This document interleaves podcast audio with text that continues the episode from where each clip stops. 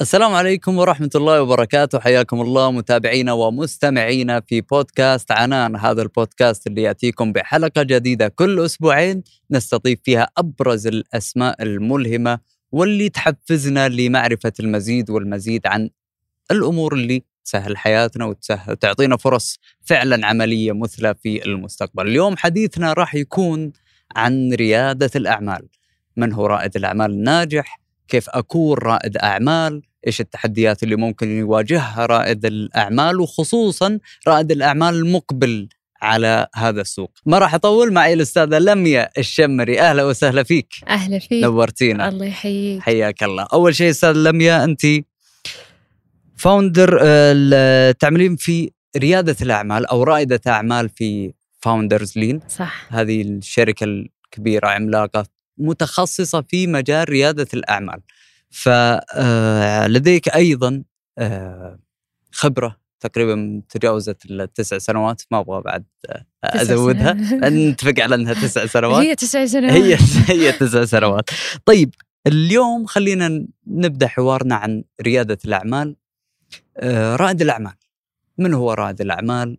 كيف أقول إنه هذا هو فعلا رائد أعمال؟ آه، كيف أنطلق وأدخل هذا المجال. خلينا نبدأ من البداية تعريف هذا المجال وتعريف هذا الوسط. رائع. أول شيء أشكرك على دعوتي في هذه عمر. ريادة الأعمال هي بناء مشاريع آه، لحل مشكلة آه، أو مواجهة تحدي أو ابتكار جديد. بطبيعتها تكون عالية المخاطر عالية الأرباح وبالتالي آه، سريعة آه، النمو. سلم يا خلينا نتكلم عن طبيعة رائد الأعمال. رائد الأعمال أكيد له صفات يتحلى فيها خصوصا دائما رواد الأعمال اللي نشوفهم ناجحين. أكيد أنه ما نجح آه، عشوائيا كذا. أكيد في صفات شخصية في هذا الشخص آه، قدرت تصنعه وتصنع المنتج حقه. نعم. هناك أربع آه، صفات آه، يتسم فيها رائد الأعمال الناجح أو رائد الأعمال الحقيقي. الصفة الأولى أنه تنفيذي إنسان تنفيذي شخص تنفيذي. آه اليوم يجيك يقول لك أنا بعد أسبوعين راح أعمل هذا هذه الفكرة في مشروعي أو أحل هذه المشكلة. مم. لما تجي بعد أسبوعين تلاقيه قرر القرار ونفذ حل المشكلة وتعلم من تنفيذه ويعمل التنفيذ ويشتغل بشكل عملي باستمرار. دائما هو آه، يقوم بعمل تجارب بشكل مستمر ينفذ ولا يؤجل يعني أي آه، حل لمشكلة أو ابتكار في آه، في مشروعه. النقطة الثانية وهي مرتبطة بال- بالأولى لما أنت تشوف رائد الأعمال دائما يفي بما يعدك به أو تجلس معاه ويقول أنا بصلح خلال يومين هذه المشكلة تجي بعد يومين تلاقيه صلحها أنت تحترمه وتحترم شركته.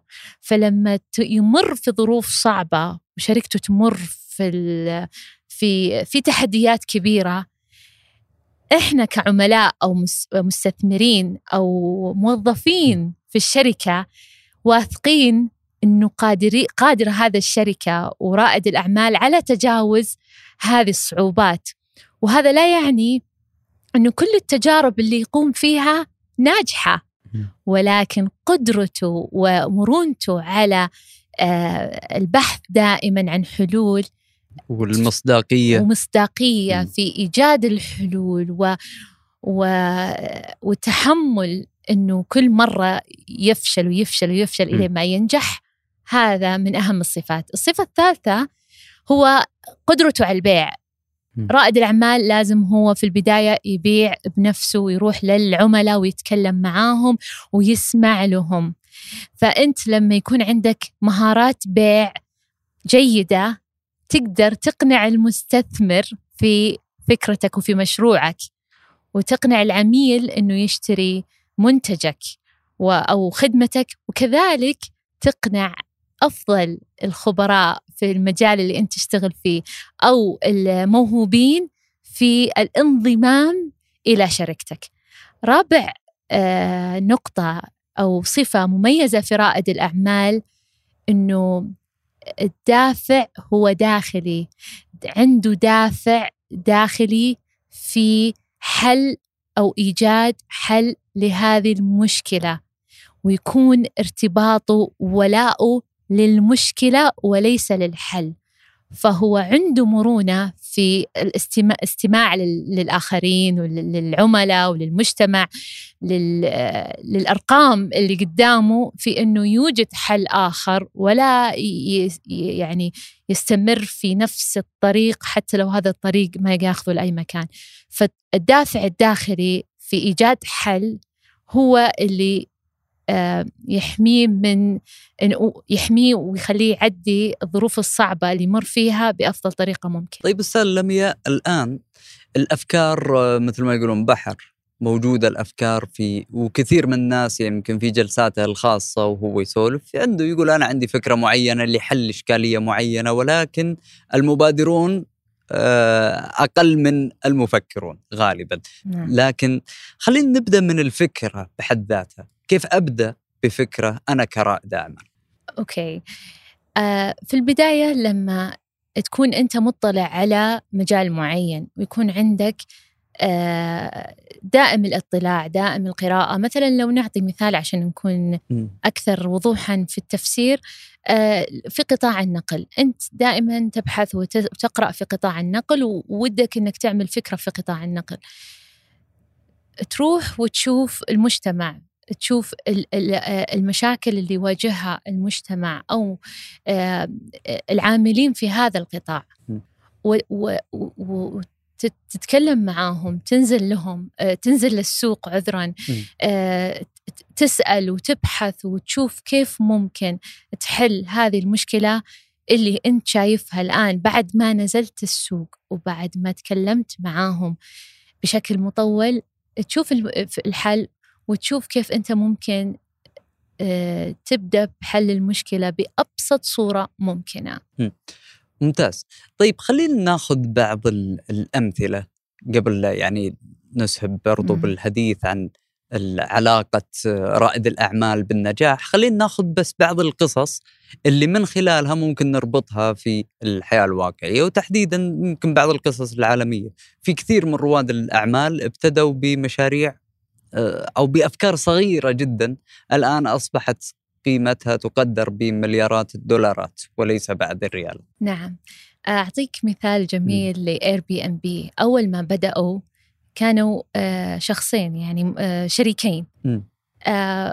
في أول عملوا موقع بسيط جدا جدا جدا سجل معاهم شخص من نيويورك عنده شقة.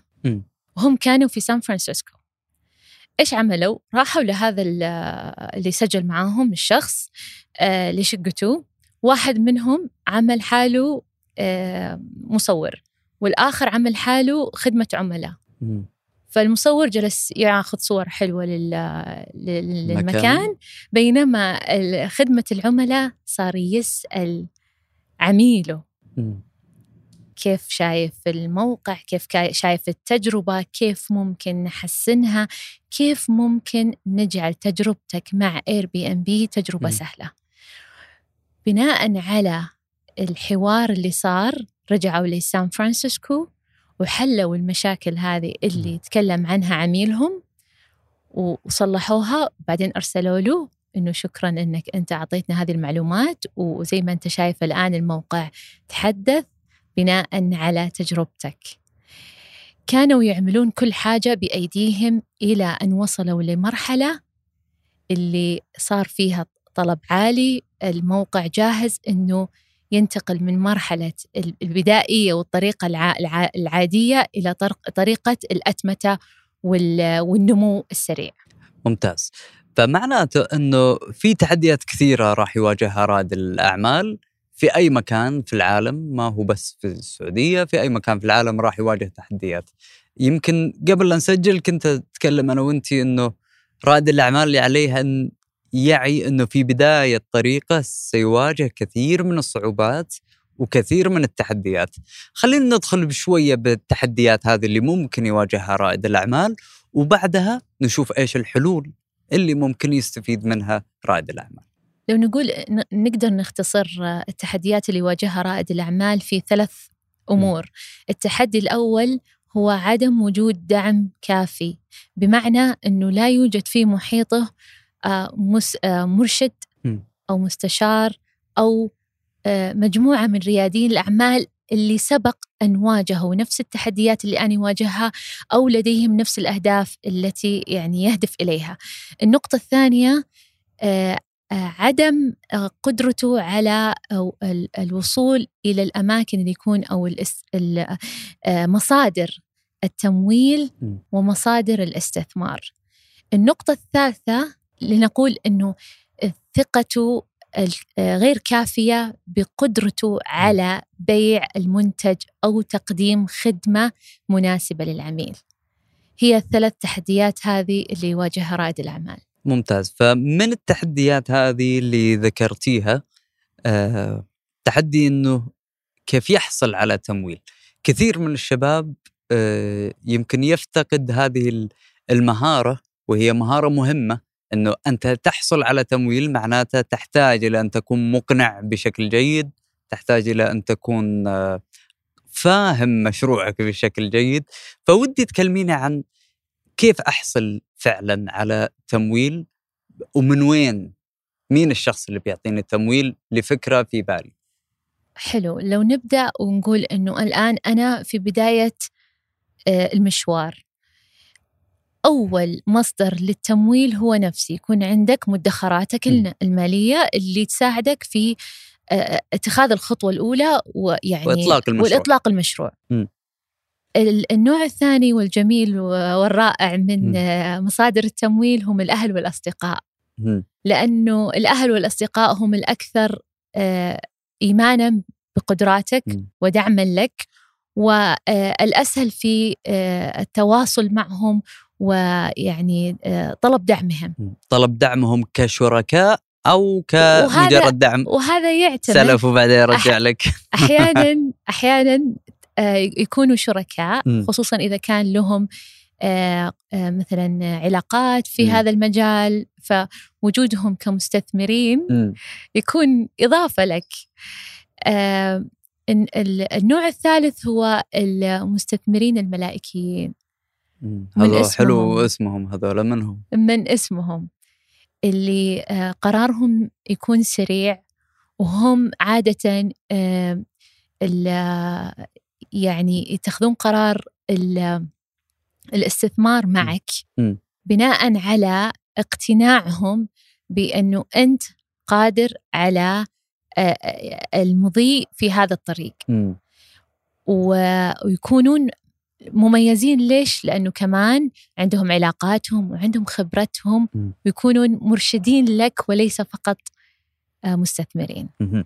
ممتاز فهذا يمكن من أهم التحديات اللي يواجهها أي رائد أعمال وليش تحدثنا عنه تحديدا لأن المال هو عصب المشروع فعليا إيه. أي مشروع أنت كيف تحصل على المال طيب أنا حابة يس. عذرا أنا حابة أني أذكر كذلك مم. آه، مسرعات الأعمال واللي بالضبط هذا اللي كنت بدخل فيها بعد قبل شوي. مسرعات الأعمال عادة مم. تقدم لك مو ليس فقط الاستثمار ولكن تقدم لك يعني آه، أعتقد أنها ممكن تكون آه، نقلة مم. في آه، طريقة تفكيرك كرائد. آه، بالنسبة لي لي تجربة فيها. وأنا حابة أني أنا يعني ندخل فيها بالتفاصيل لما لا نعم خلينا ندخل فيها So, بما أنه لك تجربة أيضا مع الحمد لله مع مؤسسة محمد بن سلمان مسك في تجربة الدخول إلى مسرعة أعمال. وإحنا نبغى بما إنك موجودة خلينا برضو نسهل على رواد الأعمال القادمين إنه ما هو مفهوم مسرعة؟ إيش معنى مسرعة؟ وليش أدخل فيها؟ أه وش المغريات إني أدخل؟ آه، مسرعة ممكن تأخذ من وقتي ممكن الوقت اللي أنا أدخل فيه المسرعة هذه آه، أبذل جهد أكبر وممكن أنجح هذه من الأشياء اللي ممكن بعض رواد الأعمال يقول لك لا ما عندي وقت صح طيب أنا أنا بتكلم عن تجربتي في مسرعة مسك الابتكار م. مع 500 ستارت ابس م. آه قبل المسرعة كنت في بداية آه، إطلاق المشروع م. وكان آه، طريقتي في التفكير هي الطريقة التقليدية للمشاريع التقليدية م. فكان في محدودية في النظرة أو في الرؤية إلى وين أنا بوصل وكيف أنا ممكن أوصل وكان في تحديات كبيرة واجهتها فخلينا ندخل في المسرعه نعم و... و... وتحديدا أنه هي قصة حصلت لك.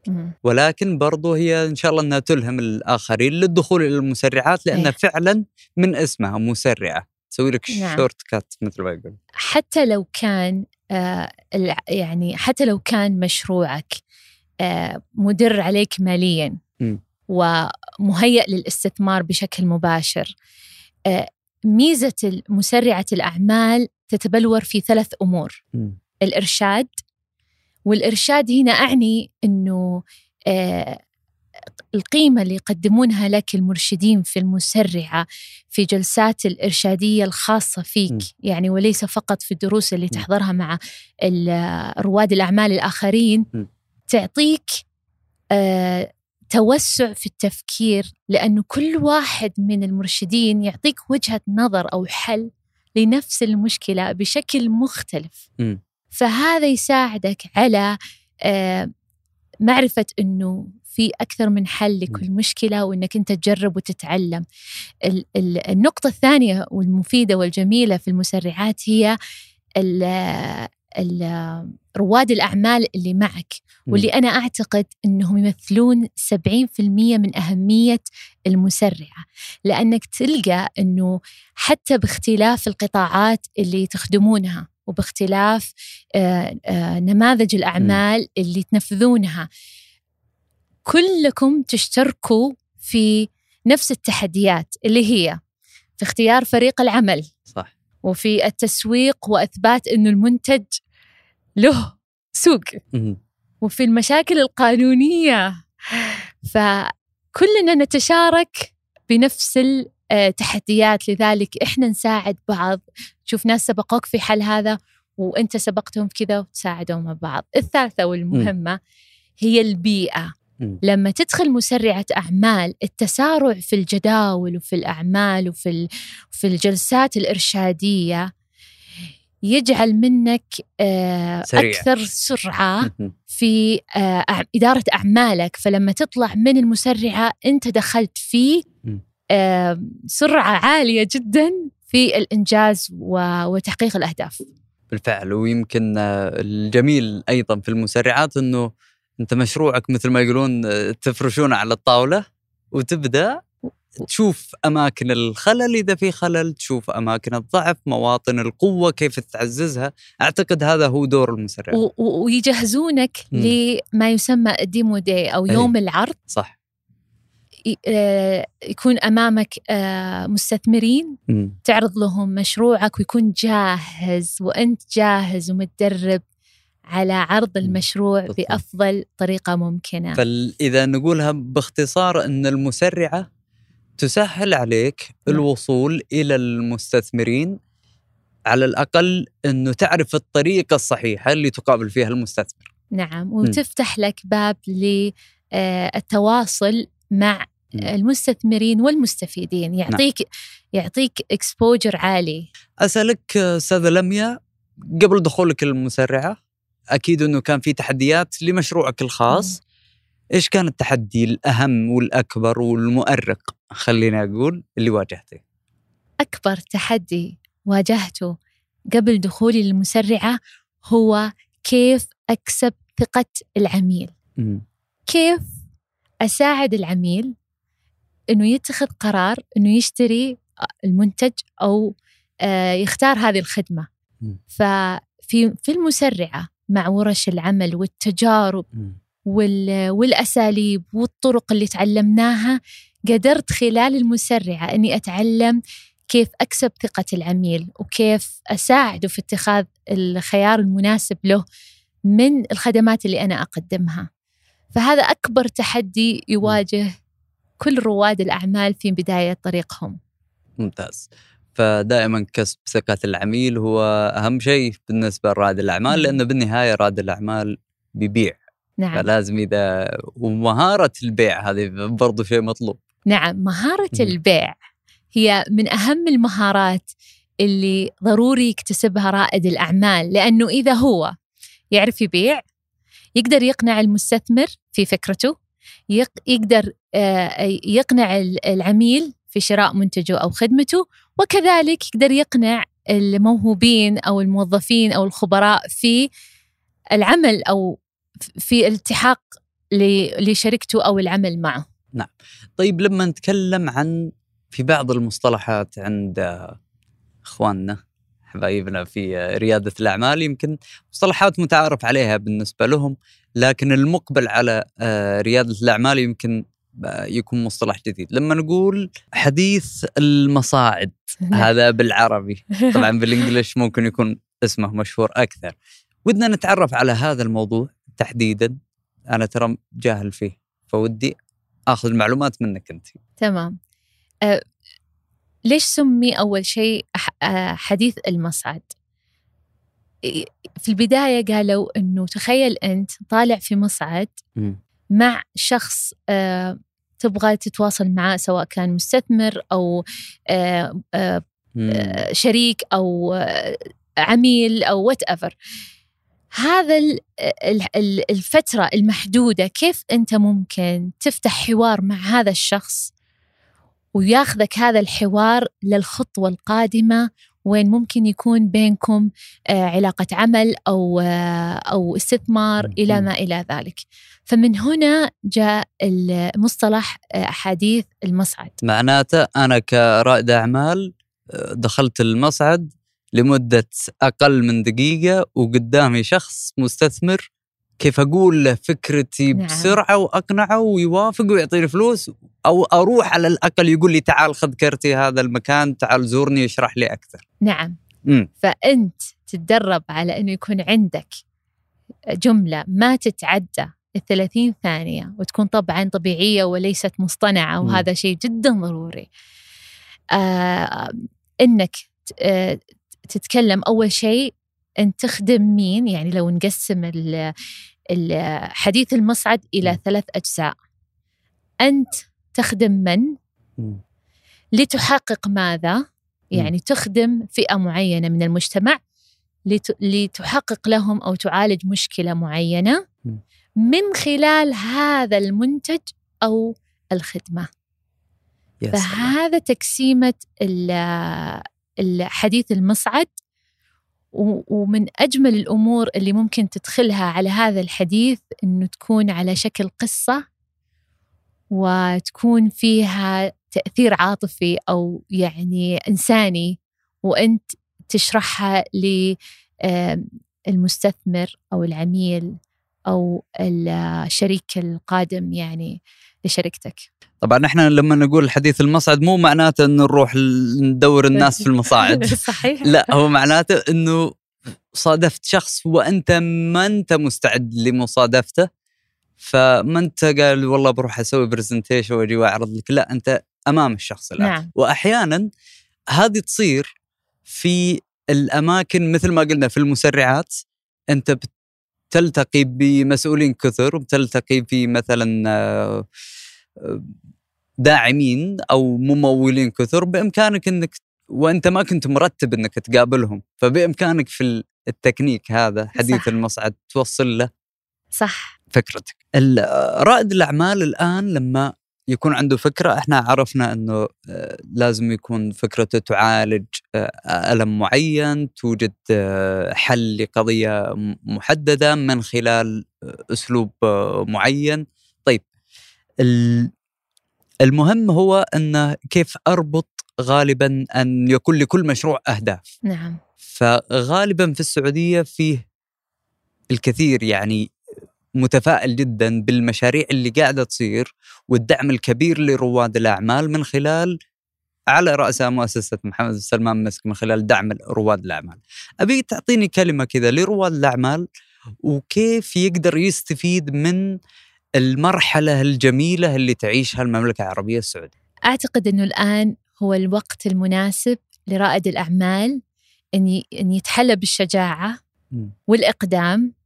آه، يبحث عن آه، آه، كل سبل المساعدة واللي متاحة الآن من كل البرامج اللي موجودة عندنا في المملكة العربية السعودية اللي تساعد رائد الأعمال على اكتساب المهارات والمعرفة في تحديد ال- ال- ال- ال- المشاكل أو الفرص.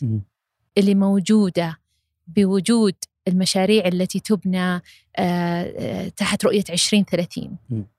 هناك فرص وهناك آه، أمور لا زالت جاهزة لحلها. لا زالت موجودة أنه إحنا ممكن نجد لها حلول ونبدع في حلها ونساهم في تحقيق رؤية المملكة 2030 الدعم موجود سواء الدعم المعرفي أو الدعم ال- المالي وكذلك الدعم في آه، الشراكة مع مشاريع المملكة العربية السعودية. يعني من ال- لما رائد الأعمال يقرر أنه يدخل آه، يبني شركته. يجد الدعم من ناحية تجهيزه تجهيز آه، طريقة تفكيره أن يكون قادر على إيجاد المشكلة وإيجاد الفرصة لأنه وراء كل مشكلة هناك فرصة لإيجاد حل مناسب لها. كذلك آه، يوجد آه، الأموال وتوجد. توجد برامج الاستثمارية وصناديق الاستثمار. التي تدعمها الدولة. كذلك بعد ما تبني مشروعك وتنشئه في لسه دعم. إنك أنت تشارك في المشاريع العملاقة. اللي موجودة في المملكة واللي تبنى الآن في نعم. المملكة. معناته يمكن أنا بختصر شيء من من كلامك آه، معناته إنه رائد الأعمال لابد إن يستفيد من الفرص المتواجدة في القطاعات ال- في السعودية مثل الترفيه مثل قطاعات ال- ال- الألعاب الإلكترونية مثل وهي تدخل من ضمن الترفيه ولكن الألعاب الإلكترونية تحديدا نعم آه، فيها يعني فيها عمل جبار وفيها أموال آه، ضخمة بالإمكان الدخول في هذا المجال نعم. خصوصا للشباب والشباب يحبون طبعا الجيم نعم آه، آه، مجالات الترفيه. ال gaming ال- النقل آه، اللوجستي ال logistics مم. كل المجالات الآن جاهزة لنا. إننا نبدع فيها ومو بس راح انه نلاقي الدعم حنلاقي الشراكة مع حكو يعني مع المشاريع الحكومية هذه راح تستقبلنا وتدخلنا كشركاء إنه نكون جزء منها. ولكن الأهم عشان ما يكون برضو كلامنا آه، وردي نعم. الأهم إن يكون مشروعك فعلا جاهز للانطلاق نعم. كيف يكون جاهز للانطلاق من خلال الدخول للمسرعات اللي بإمكانها أن تسهل عملية انطلاق مشروعك أستاذة لميا الشمري سعداء جدا بوجودك شكرا لك. إذا في أي إضافة المجال مفتوح لك حياك الله. شكرا لكم وهذا جزء من دعم رواد الأعمال. آه، استضافتكم لرواد الأعمال ل- للحديث عن تجاربهم ولمشاركة تجاربهم مع اللي الآن يفكرون في الدخول لهذا المجال، هذا جزء هذه المشاركة تساعد وتكون داعمة لكل من أراد آه، الدخول في هذا المجال. فشكرا جزيلا لكم. الشكر لك أستاذة لميا شكرا جزيلا لك وشكرا لكم أنتم متابعينا الأعزاء تحدثنا عن ريادة الأعمال وعن المسرعات وكيف أثرها على ريادي الأعمال في تسهيل أعمالهم وتسريع أعمالهم دائما زورونا عبر منصة مكان مسك ففيها الكثير والكثير من البرامج المخصصة لريادي الأعمال والبرامج اللي فيها أيضا تطوير للمهارات الشخصية والمهارات العملية. إن شاء الله نشوفكم على خير مع ضيف جديد. إلى اللقاء.